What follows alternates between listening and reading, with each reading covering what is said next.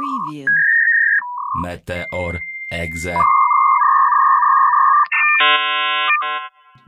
Dobry wieczór wszystkim naszym słuchaczom. Z tej strony Monika Heckert. I Michał Gąsior. Dzisiaj porozmawiamy sobie trochę o growych adaptacjach książek i zastanowimy się też, jaki wpływ e, na rozgrywkę e, ma perspektywa, z jakiej e, widzimy całą grę. Dzisiejsze Meteor Exe realizować będzie dla nas Almieria Słodkowska i zapraszamy Was na króciutką przerwę. Uwaga, uwaga, kultura wchodzi. Dzisiaj zrobi się na audycji o gierkach trochę kulturalniej, bo porozmawiamy właśnie sobie, jak y, było mowa we wstępie o książkach, y, które były inspiracją dla y, twórców gier. I jedną z nich jest, o której warto na pewno wspomnieć, jest seria gier Metro. I Monika, miałaś okazję zagrać? E, powiem ci, grałam. Grałam e, w jedną z gier, e, w jedną z części. E, to był bodajże Redux. E, tak, e, tak, ta ostatnia tak, część. Tak, w tą ostatnią część grałam. Mam 2033 jeszcze w bibliotece, ale jeszcze nie miałam czasu i trochę chęci. Jakby brakło mi jakiegoś, e, nie wiem, powodu, żeby o, mam ochotę zagrać w tą grę. Jakiegoś takiego czynnika, który by mnie przyciągnął do tego tytułu, żebym chciała w niego, wiesz, ograć. Tak, ale zdecydowanie y, ograć y, chcieliby fani y, Kuchowskiego, czyli autora y, całej serii. Jest to e, rosyjski autor, który e, miał też y, nie pogadala y, rolę w, w ogóle twór, tworzeniu serii gier Metro, ponieważ po prostu Inaczej. Zacznijmy w ten sposób. Metro to jest odświeżona edycja popularnej strzelaniny, tak? Metro. Mówię w tym momencie o Reduxie, o tej grze, e, o tej części, e, w którą ja grałam, bo do nim się będzie w tym momencie no po prostu łatwo odnieść, najłatwiej odnieść. E, no i dla osób, które nie wiedzą, nie ogrywały tego tytułu, Metro to jest strzelanina z elementami survival horroru. I akcja Metro toczy się w uniwersum, tak jak już powiedziałeś, e, Głuchowskiego, Gluchowskiego, różnie słyszałam e, wymowę tego nazwiska. E, I dla potrzeb tej gry wideo zaadaptowało, co jest ciekawe, studio 4A Games. Coś słyszałam o tym studiu, wcześniej nie słyszałam, ale jak wyszło właśnie Redux, to miałam, o, co, ciekawe co to jest za studio, się okazało, że jest e, to studio e, ukraińskie, także dla mnie to już w ogóle był szok, bo jednak nie docierało do mnie to, że wow, e, takie studio może w ogóle być, jakby, wiesz o co mi chodzi. Tak, takie, takie naprawdę bardzo blisko nas. Tak, naprawdę blisko nas i ono było sławne, e, znaczy popularne, ale ja o nim w sumie nie słyszałam i się zastanawiam, jak to się stało właściwie. No na pewno rozsławili się właśnie tym cyklem Metro, który e, właśnie jest na podstawie e, serii książek o tym samym tytule. Um, I myślę tak osobiście, mhm. czytając y, samą Metro 2033 i ogrywając y, Metro 2033, um, miałem wrażenie, że duch został naprawdę tam zachowany dobrze, y, choć miałem parę uwag takich mm, czysto jakby technicznych, ponieważ mm, w samej, y, w samej serii książkowej jest przedstawiana y, historia Artema, który jakby podróżuje po całym metrze, wypełniając swoją misję. Um, I jest to bardziej opowieść o tej podróży, o tak jakby zamaganiach i um, gdzieś też kontakcie z tymi ludźmi, którzy przeżyli tą e, postnuklearną Rosję, powiedzmy. Um, I gdzieś to w takim, ten duch tego jakby, jakby, hmm, jakby tu ująć.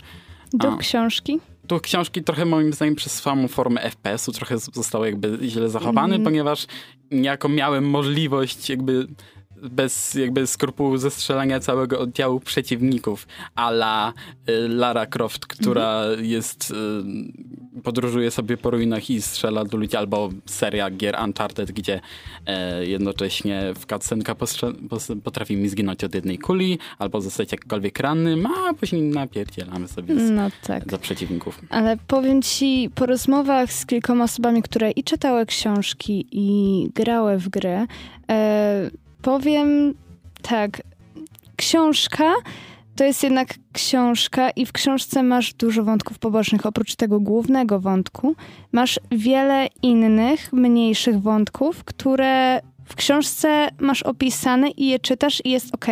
Ale przechodząc do świata wirtualnego, do świata gier wideo, nie byłbyś w stanie tak bardzo odwzorować tego, tak jak jest to w książce zrobione. Dlatego też e, fabuła Metro, jeżeli chodzi o grę, skupia się na tym głównym wątku, nie wchodzi w wątki poboczne, bo to po prostu byłoby bardzo ciężkie do zrealizowania. E, no, z prostych względów, no, no nie wiem, no na pewno trochę by przysporzyło to problemów, że masz główny wątek, nagle poboczny, tym bardziej, że Metro, e, jeżeli chodzi o książki, no to jest strasznie ma zawiłe. Te wątki można by się rzeczywiście pogubić, a sama główna historia to już jest no trzeba czasem się zatrzymać i pomyśleć, o co chodzi tak właściwie. No tak, no bo jako y, poniekąd y, autor pisał to myśląc y, o wątkach takich czysto teraźniejszych, na przykład ostatnią część o podtytule Exodus gra, w sensie powstała z myślą o właśnie o takim uwolnieniu, gdzie bohaterowie w tej części wychodzą z tytułowego metra i w końcu odnajdują jakieś życie na zewnątrz, odkrywają, że da się tam żyć i pewnego takiego otwartej. To też ma jakiś taki swój własny, głębszy przekaz. I jest to faktycznie trudniej przekazać w formie gry, ale sam duch myślę, że jest spokojnie to przekazanie, jeżeli chodzi o takie gry. Mam tak, chociażby takiego Wiedźmina, gdzie mhm. um, jakby sam ten motyw tego e, podróżującego e, po całym świecie zabójcy potworów został świetnie zachowany nie tylko na bazie samej historii, ale również mechaniki, gdzie e, walka była oczywiście całkiem miodna. Nie wiem, czy się też zgodzisz? No tak, tak. No, ciężko się w tym momencie z tobą nie zgodzić. I razem z, z całym e, arsenałem takich mechanik jak alchemia, system umiejętności i tak dalej, bardzo to dobrze zgrywało się z takim medium jak grę, czyli bardzo interaktywnym. Odróżnieniu do książki, która jest czysto taką pasywną formą, którą po prostu przyswajamy i w jaki sposób sobie przetwarzamy to swoją własną wyobraźnią. Mm, tak, tylko że zauważ e, jednak, masz grę wideo, no to już masz jakiś obraz wykształcony i widzisz to tak, jak chce to twórca gry, jak chce to wydawca. Widzisz tak, jak on to przedstawił, jaką on miał na to wizję. A czytając książkę, weź pod uwagę to, że tu właśnie dajesz popis swojej wyobraźni, że widzisz to tak, jak ty sobie to wyobrażasz. Nie tak, jak e, ktoś ci narzucił, że tak to wygląda, tylko ty możesz wyobrazić sobie zupełnie inaczej wygląd e, metra tamtejszego, wygląd postaci, no tak naprawdę wszystkiego, więc... Tak, bo e, to, co dobrze jakby wypunktowałaś, faktycznie jedną sprawę, że to niekoniecznie muszą być takie stuprocentowe adaptacje tych gier i e, w sensie książek bo też wydaje mi się, że taki jeden do jeden, co ma być w książce na gry się po prostu w pewnym sensie nie da.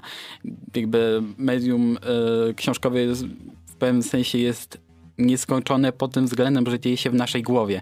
Nie ma limitacji technologicznych, nie ma e, limitacji artystycznych i tak dalej. To można popłynąć dosłownie w czymkolwiek i skupić się wyłącznie na historii. Medium growe nie jest czymś takim. Jest całe właśnie zaplecze te techniczne, które trzeba zorganizować, żeby w ogóle zagrać, stworzyć i tak dalej. Trzeba też przemyśleć całą historię, jak to przełożyć na samą tą interakcję. Dlatego um, najlepiej raczej wychodzą takie um, gry, które tylko i wyłącznie bazują na tym, co jest, chociaż im bliżej to oryginału, tym wydaje mi się, że z reguły jest lepiej. No to wiadomo. Im bliżej e, masz podobna, inaczej, im bardziej podobna jest e, gra i opowieść w tej grze do tej z książki, no to wiadomo, będzie lepiej, będzie to wierniej odzorowane i gracz będzie miał większe poczucie, że wow, e, jest to tak, jak e, sobie to wymyśliłem, jak to widział autor, bo jeżeli autor opisze w książce, że jest tak i tak i to jest odzorowane w grze, no to wtedy wiesz, że autor też to tak widział, nie? A Mhm. przynajmniej, że jest takie duże prawdopodobieństwo, że tak widział. Choć widzę tu też jedną pewną pułapkę, ponieważ czytając wcześniej y, książkę i później grając w grę, ma się już pewne wyobrażenie o tym, jak wygląda świat i tak dalej. To samo jeśli chodzi o filmy, adaptacje y, książkowe filmów, gdzie chociażby na przykład tak miałem z Percym Jacksonem, czytając cały cykl, uwielbiając go całym serduszkiem, jak obejrzałem film, to miałem takie, co się tam w ogóle dzieje, to, co, co oni tak zrobili z całą moją ulubioną serią, z całym duchem i tak dalej. I e, w przypadku Metra miałem poczucie, że faktycznie udało im się zrobić, ale przez takie mankamenty też czysto techniczne na przykład nie za bardzo mi to grało. Na przykład sam fakt przedstawiania e, całej jakby perspektywy bohatera za pomocą dzienników, które są rozrzucone po prostu po pewnych lokacjach jest według mnie bardzo y, jakby nieintuicyjne, ponieważ siłą rzeczy bohater, który mknie przez te metry jest często w bardzo niebezpiecznych sytuacjach, w których nie ma co myśleć nad pisaniem jakichś pamiętników. Nagle znajduję to i mam takie, i mam wielki napis, kliknij przycisk, żeby przeczytać notatkę. Jakby wydaje mi się, że to trochę nie, nie tędy droga. Nie, nie, to, to no właśnie tak jak powiedziałeś, to jest straszna pułapka i w jedną i w drugą stronę tak naprawdę, no bo jednak jak najpierw przeczytasz książkę i przechodzisz do gry, no to już sobie wyobraziłeś, już twoja wyobraźnia zaczęła działać i już mówisz, aha, dobra, to będzie pewnie wyglądało tak, przechodzisz do gry, a to wygląda zupełnie inaczej. I tak samo jakbyś najpierw zagrał w grę i przeszedł do książki i wtedy już nie masz takiego dużego pola do popisu, żeby pomyśleć, o, to by mogło wyglądać tak i masz już tak troszeczkę już podświadomie masz narzucone, że to wygląda tak i osoby, które nie mają bujnej wyobraźni mogą mieć e, problem właśnie z tym, żeby móc sobie inaczej pomyśleć o danym wątku. Tak, tym bardziej, że mm, nawet bardzo łatwo można zarzucić grom y, coś w stylu, że są mało narracyjne, ich historia jest płytka i tak dalej, dlatego że w samym medium książkowym, tak jak mówiłem to wcześniej, jest to trochę jakby nieskończone, że e, można zrobić właściwie tylko się pomyśli. Tego się nie da zawsze zrobić w grach, nie zawsze to będzie pasowało co do rozgrywki, co do e, samej fabuły i to całego cyklu, jakby, w którym jakby powstaje gra. Więc o tyle to też jest na pewno pułapka. No niektóre rzeczy też są niemożliwe ze względów technicznych, przynajmniej na ten e, moment, bo autor sobie książki wymyśli pewną rzecz, którą jeszcze, która jeszcze nie jest dobrze opracowana, tak? Przez e, osoby, które zajmują się produkcją, więc Choć akurat jeżeli chodzi o Metro, to przyznam, że grając w- najpierw 20-33, a później w kolejną część Last Night, miałem wrażenie, że akurat żadnego przeskoku technologicznego nie było. Jakby poniekąd cały interfejs był ten sam, co może być zaletą, ale dla mnie był trochę wadą, ponieważ chociażby te dzienniki i system jakby amunicji i tak dalej był raczej nieintuicyjny. E, Sama rozgrywka opierała się praktycznie na tym samym. Oczywiście różniła się poziomami i tak dalej, ale graficznie chociażby nie różni się prawie w ogóle. E, Sama rozgrywka też nie dostała żadnych rewolucji, ewentualnie nowe bronie i tak dalej, ale e, poniekąd tej, ta ewolucja też nie musi zawsze nastąpić mimo jakby samej technologii. Mm, to prawda. Ja y, tak doczytałam odnośnie y, części Redux. No bo to inaczej. Ta część korzysta z zmodyfikowanej e, wersji silnika, która była używana właśnie w Last Night. E, co ty przed chwilą o niej wspominałeś i to sprawiło, że oprawa graficzna jest, przynajmniej jak oglądałam screeny z gry e, Last Night, to jest lepsza oprawa wizualna. Czy zgodzisz się ze mną w tym momencie, czy No, jednak wolisz takie tamte starsze klimaty? No na pewno to już cieszy o wiele bardziej oko już faktycznie Exodus, który już tak pompatycznie nawet z tego co wiem był chyba nawet poniekąd jakimś takim benchmarkiem, czyli takim wyznacznikiem do tego jak dobry jest dany sprzęt, yy, na który... Więc jakby na pewno był ten przeskok technologiczny. Pytanie, na ile to się to...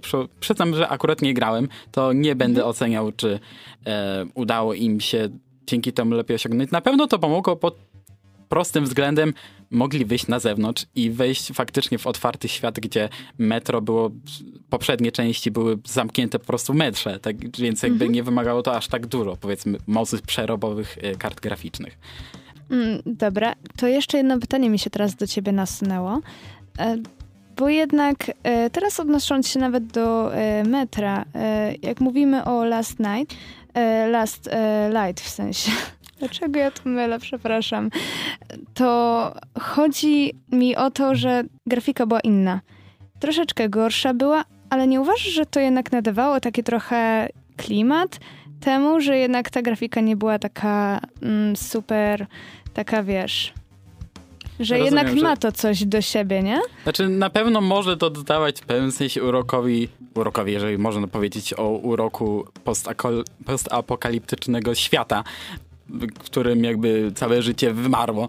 Um, ale nie wiem, myślę, że lepiej to mimo wszystko wchodzi w Exodusie, gdzie jednak ta imersja jest trochę większa, trochę jest więcej po prostu miejsc, w których jakby ten charakter tej książki może być bardziej, lepiej pokazany przez czyste możliwości techniczne. Mm, to prawda, to prawda. No to może zostawmy już to e, biedne metro w spokoju e, i przejdźmy na krótką przerwę i wrócimy z kolejnym tytułem. I wracamy po krótkiej przerwie i wracamy również do klimatów lekko horrorowych, na pewno strasznych, bo to Sinking City na podstawie e, powieści Lovecrafta. Tak, y, powiedziałabym nawet nie tyle co strasznych, co wzbudzających niepokój.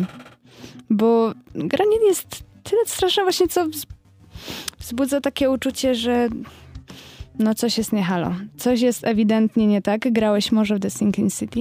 Niestety nie miałem okazji.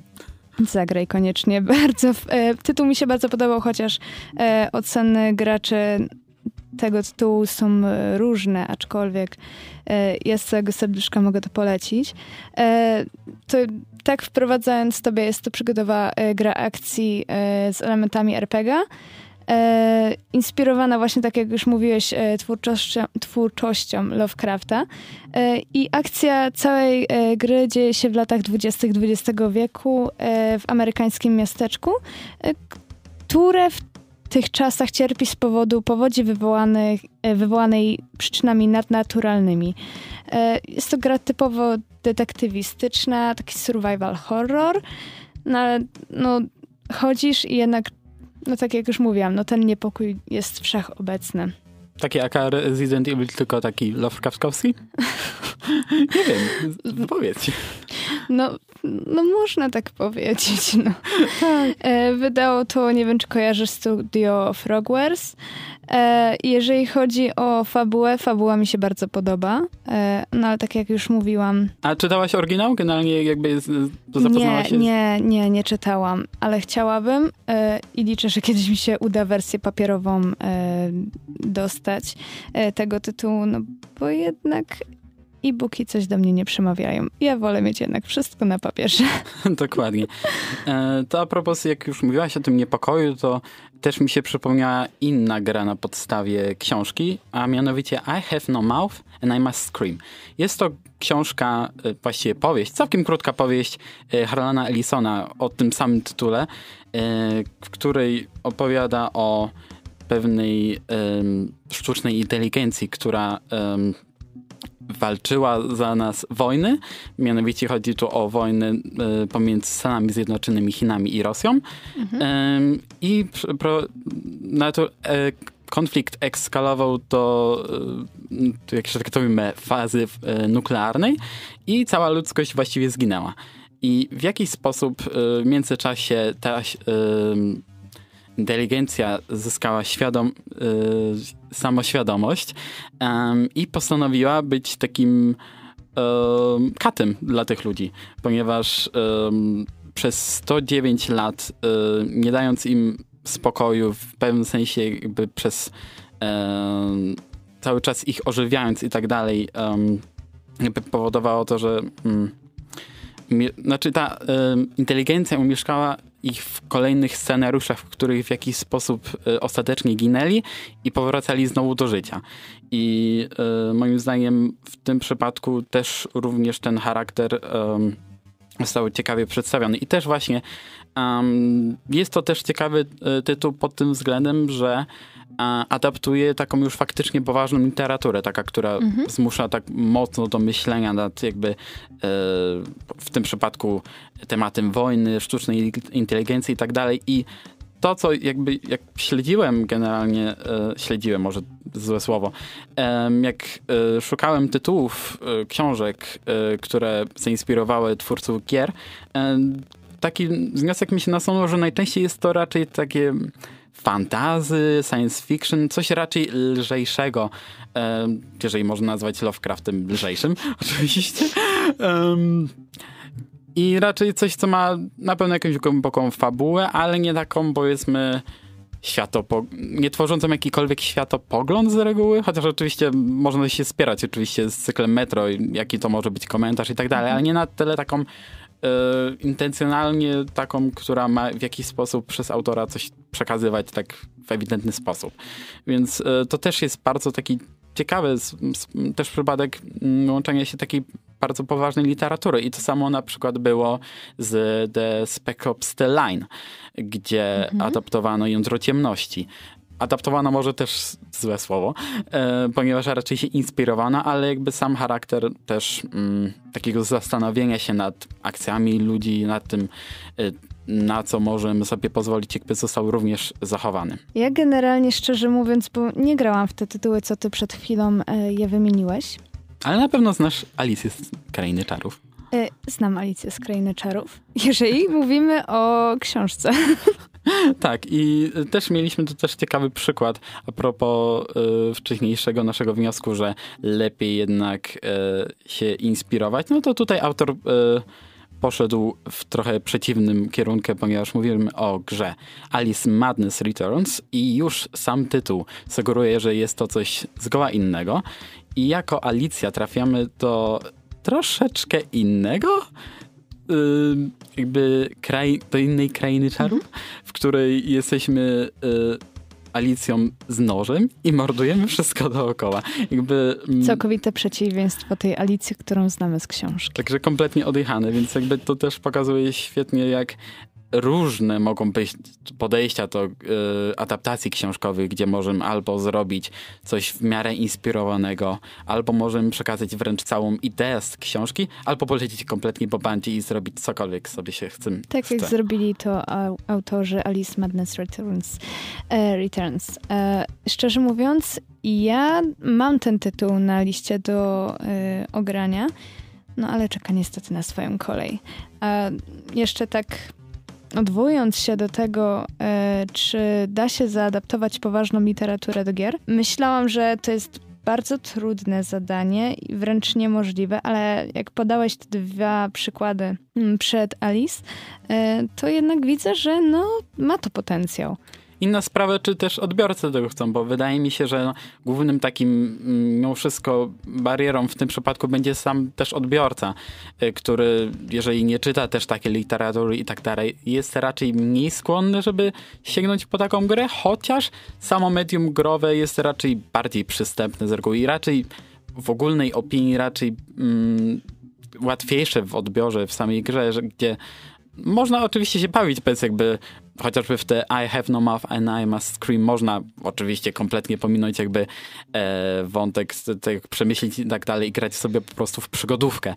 Um, ale myślę, że te e, faktycznie jest trudno przełożyć po to trudna literatura, ale no sam odbiorca też ma tutaj jednak duże znaczenie. Mm, dobra. Jak teraz ci zapytam się, Jaką znasz jeszcze, tylko się zastanów, bo to jest banalne pytanie, grę na podstawie książki, która angażuje zwierzę? U, zwierzę? Tak. O kurczę. E, przyznam, że chyba nie wpada mi nic za bardzo do głowy. A kojarzysz imię Płotka? Płotka? Czy to ten koń, który hmm. wchodzi sobie na dachy? Tak. I co tam wymyślili z nim? No i co? I wymyślili z nim, że sobie będzie wchodził na dachy, koniec historii. Tak na poważnie mówimy o, o Wiedźminie. E, no, no nie sposób jest nie wspomnieć o Wiedźminie, jeżeli chodzi o no, gry, tak? No bo jednak no, książki Wiedźmina. Trzy Wiedźmin, trzy najlepszy. Jakby Nie, Jakby nie zaczynaj, wspomnieć nie o nim- zaczynaj.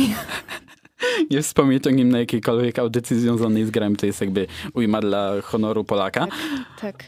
Ym, tak, i jakby na pewno w, to jest świetny przykład też właśnie tej adaptacji, jak już wcześniej mówiliśmy, mechanicznej, chociaż też ym, nie do końca jeden do jeden, jeżeli chodzi o książki, bo jednak to było dużo jednak inspiracji. Sama wizja była też jednak czysto autorów. Brać tylko raczej nazwy i później na, nazwy na przykład właśnie potworów i na podstawie tego tworzyli później te potwory.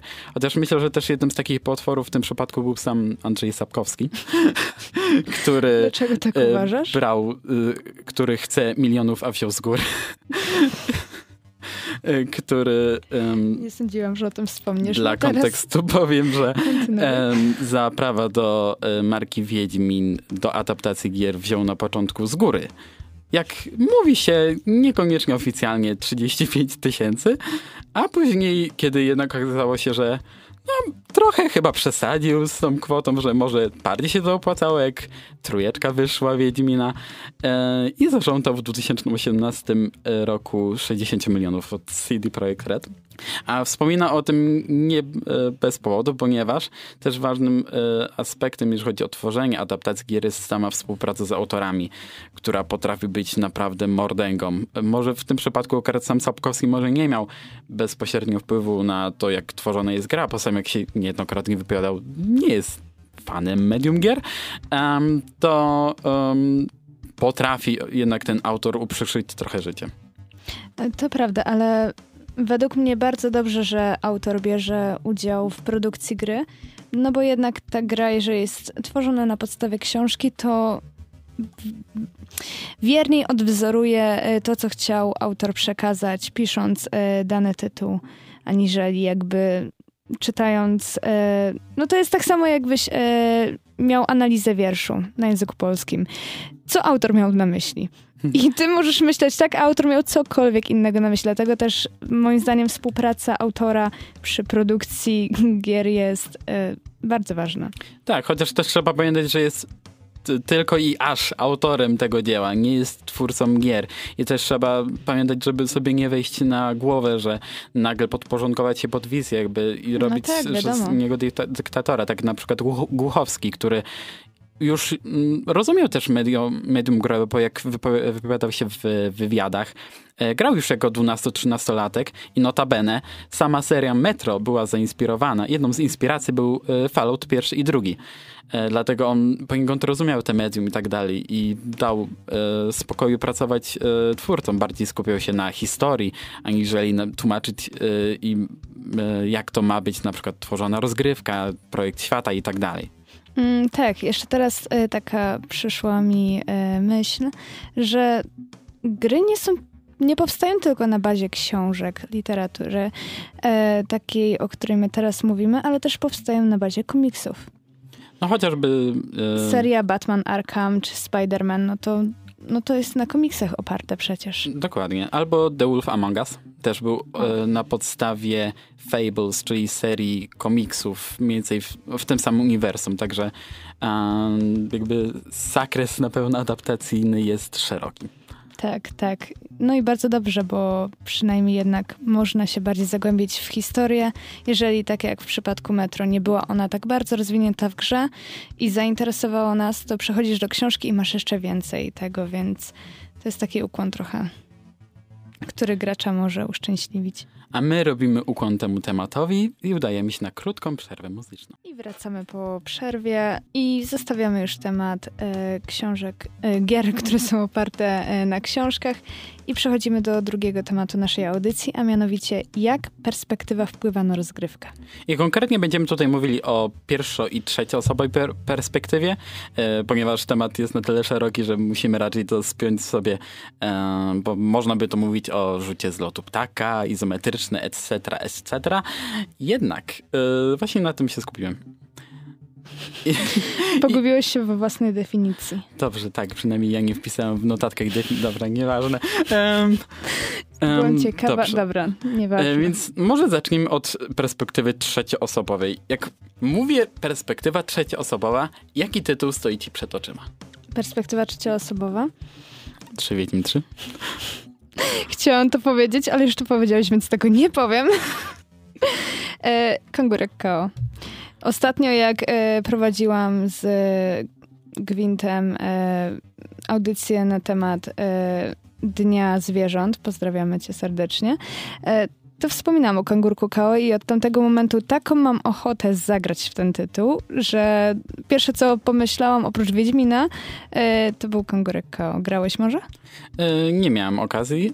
Wiedźmina no, kolejny, No nie wierzę. No co ja mam ci zrobić? To nie jest klasyka tobie... Wiedźmin. Jak nie jest klasyka, dobra. Tobie jaki tytuł y, staje przed oczami? E, myślę, że przede wszystkim y, RPG, właśnie jak Mass Effect albo Dragon Age, y, gdzie mm, ta perspektywa była o tyle ważna, że mm, poniekąd graliśmy jakąś rolę. Może nie tyle, co się wcialiśmy w jakiś, jakimś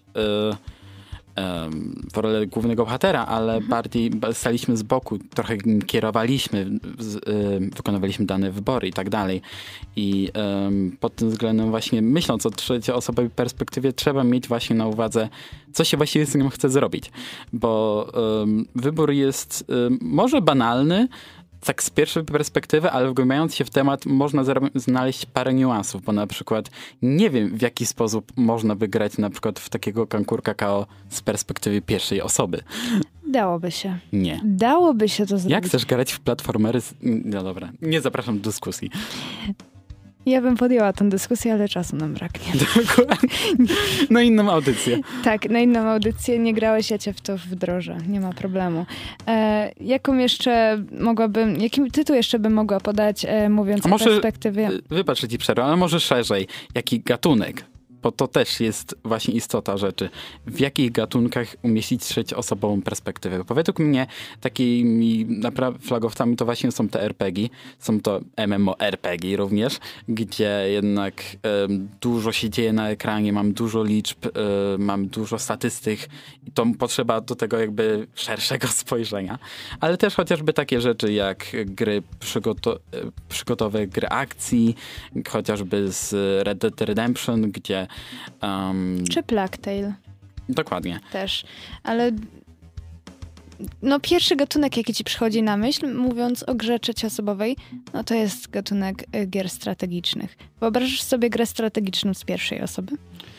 A jak wyobrażasz sobie z trzeciej osoby? To jest z lotu ptaka, to to nie jest perspektywa dla Tutczaka, bo przypominamy, że perspektywa z trzeciej osoby jest to perspektywa z zapleców. Chociażby jak w Wiedźminie. Dlatego myślę, że jeżeli chodzi o strategię, jest to bardzo rzadka sytuacja. Jedyną, którą tak naprawdę przyszło mi do głowy, to jest Orcs Must Die, czyli taki tower defense, tylko z perspektywy właśnie trzecioosobowej, gdzie umieszczamy e, faktycznie jako model 3D pułapki na e, ścianach, na podłodze i w taki sposób strzelamy również do przeciwników z różnego rodzaju arsenału i tak dalej. Mhm. Jest faktycznie prowadzony z takiej perspektywy trzecioosobowej, gdzie to dla strategii nie jest raczej um, naturalny, bo chociażby taki Hearts of Iron, czy inne tytuły na przykład Paradoksu, nie da się z nich grać innej perspektywy niż z takiej powiedzmy albo z lotu ptaka, chociaż to też nie jest tutaj w tym przypadku lot ptaka, tylko wizja na całą mapę. Bo jakby tak, jak, tak samo jak w przypadku MMORPGów, gdzie jest dużo statystyk, dużo czytania, dużo malutkich detali, gdzie trzeba mm -hmm. się mocno wgłębić trzeba do tego mieć po prostu więcej przestrzeni fizycznie na monitorze, żeby w ogóle coś rozczytać. Ja cię, ja cię rozumiem. Ja bym chętnie bardzo podjęła dłuższą dyskusję, ale naprawdę czas nam nie pozwoli. A tyle jeszcze mamy do wspomnienia, e, że pozwolę sobie tę dyskusję na później odłożyć. E, jakie jeszcze gatunki? No jaki ci jeszcze gatunek przychodzi? Taki jeden ze sztandarowych. No to na pewno wszystkiego, wszelkiego rodzaju Souls-like'i, jak Dark Souls czy Returnal, gdzie um, siłą rzeczy pojedynkując jest przeciwnikiem y, dobrze mieć jednak też tą perspektywę na jakiś dalszy plan, gdzie jest na przykład gdzieś dalej przeciwnik, yy, gdzie to jest jakby mocno wpisany też sam system walki, który polega na takim parowaniu i uciekaniu, odskokiwaniu i tak dalej. Jest to wszystko bardziej, myślę, że responsywne dla trybu trzecioosobowego. Wiesz co, ja myślałam o grach wyścigowych, ale Souls-like też mogą być. Chociaż akurat wyścigowki są o tyle specyficznym też gatunkiem, że jest bardzo dużo po, po, po, popisu, jeżeli chodzi o mieszanie tych dwóch perspektyw. Tak, tak. Przełączanie no, się między nimi.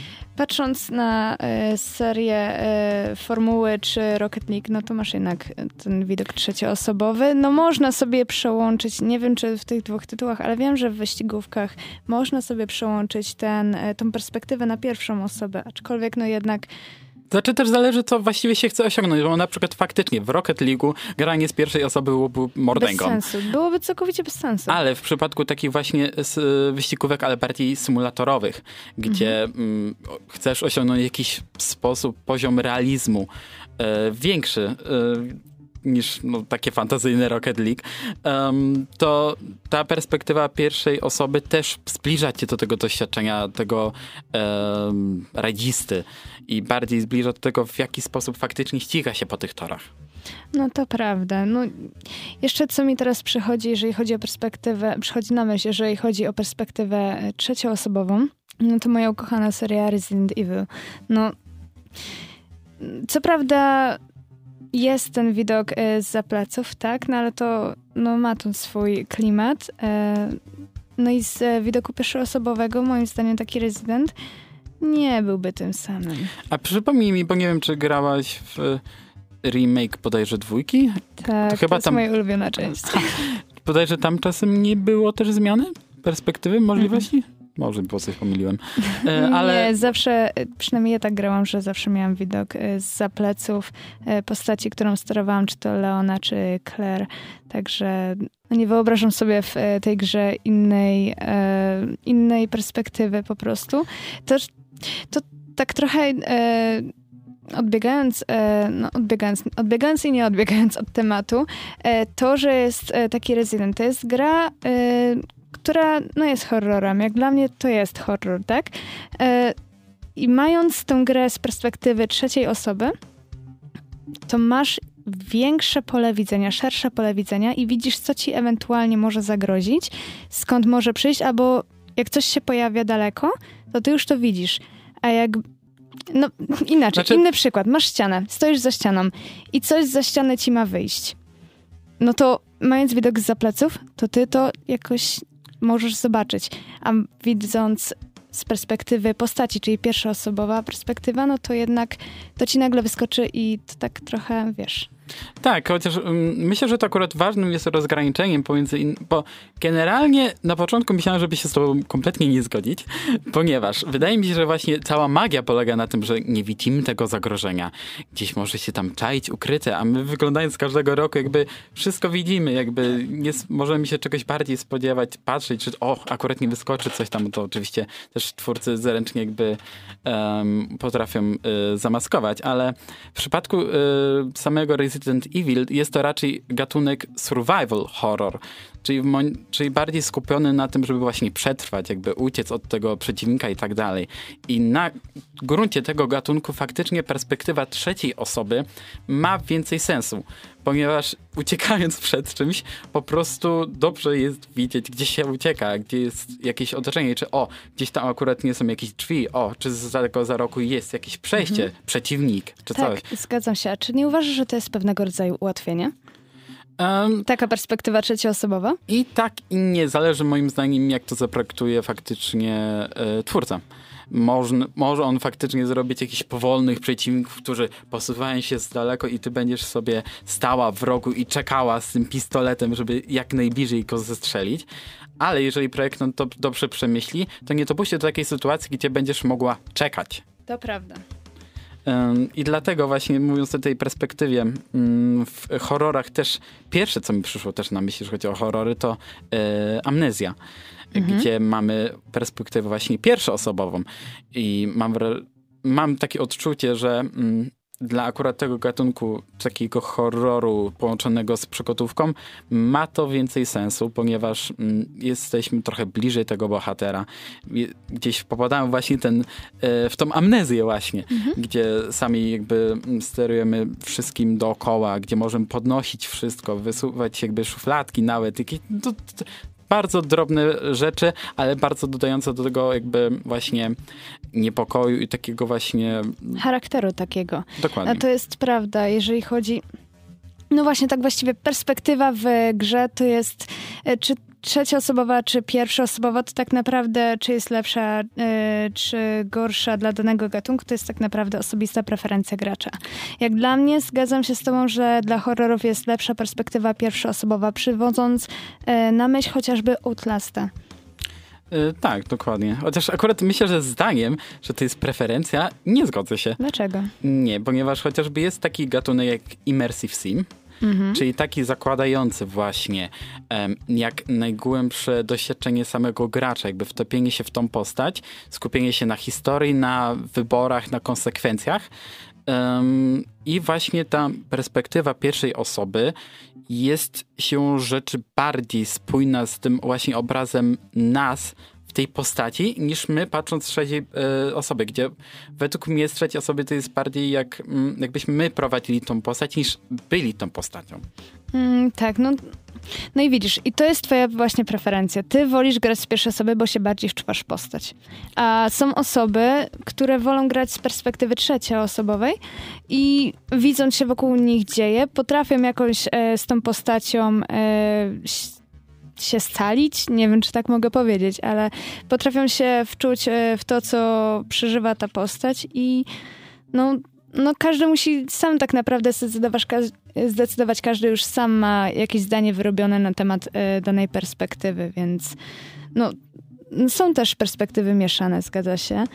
Dokładnie. Na przykład z takich mm, ciekawych też mieszanych właśnie perspektyw można mówić szeroko o gatunku strzelanek FPS-ów mm -hmm. e, czy TPS-ów w tym przypadku, jeżeli mówimy o grach z, e, z, perspektywy trzeciej osoby, gdzie podejścia też są mnogie, można kombinować na, na różnych gruntach, gdzie na przykład takim Counter-Strike'u gra się z, pierwszej, e, z perspektywy, perspektywy pierwszej osoby, gdzie wymaga to faktycznie bardzo wąskiej, jakby taki może nie wąskiej, precyzji, e, bardzo dok- bycia bardzo dokładnym. A na przykład w e, takim, nie wiem, chociażby Fortnite jako Battle Royale jest to troszeczkę też oczywiście związane z samą gatunkiem, gdzie e, faktycznie pojedynkuje się na dużej mapie e, po prostu na 100 na 100 i i pisią rzeczy. Z, no, no, i też fakt tego, że się w Fortnite buduje, a przynajmniej budowało to pewnego momentu.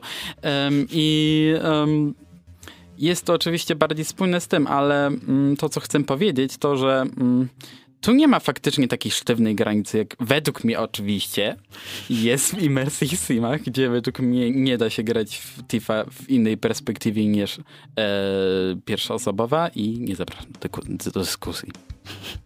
Nie ma czasu na podjęcie dyskusji, więc odpuszczę. No naprawdę, no powinna audycja być dłuższa. No tak, zdecydowanie. Ale myślę, że jeszcze możemy sobie chwilkę pogadać, bo mam jeszcze chwileczkę na pewno. I też jeżeli chodzi o perspektywy trzecioosobowej, też właśnie nie sposób pominąć tu gier przygotowych, takich stricte mhm. przygotowych. Ostatnio miałem na przykład, ostatnio, parę miesięcy temu miałem e, okazję pograć sobie w grę Stray, gdzie poruszamy się słodkim kotkiem, e, właśnie z perspektywy trzeciej osoby. Um, I e, no też jakoś ciężko byłoby raczej wyobrazić sobie, w jaki sposób mielibyśmy poczuć się jak kot, jakby robią, grając z perspektywy pierwszej osoby. Jakby właśnie cały fan polega na tym, że widzimy tego kota, jakby jego reakcje, na otoczenie również, jakby jego in, w to, w jaki sposób skacze na te konkretne półeczki i tak dalej. Gdzieś to oddanie samego charakteru tego kota jest o wiele lepsze z perspektywy trzecioosobowej niż pierwszoosobowej. Mm, to akurat prawda. Teraz nie wiem dlaczego, ale mówiąc o grach przygodowych, przyszedł mi na myśl, e, ktoś ostatnio mi wspomniał o tej grze i teraz mi też siedzi w głowie Minecraft. I tutaj masz widok mieszany. Możesz się wcielić w perspektywę w pierwszoosobową, jak i w trzecioosobową.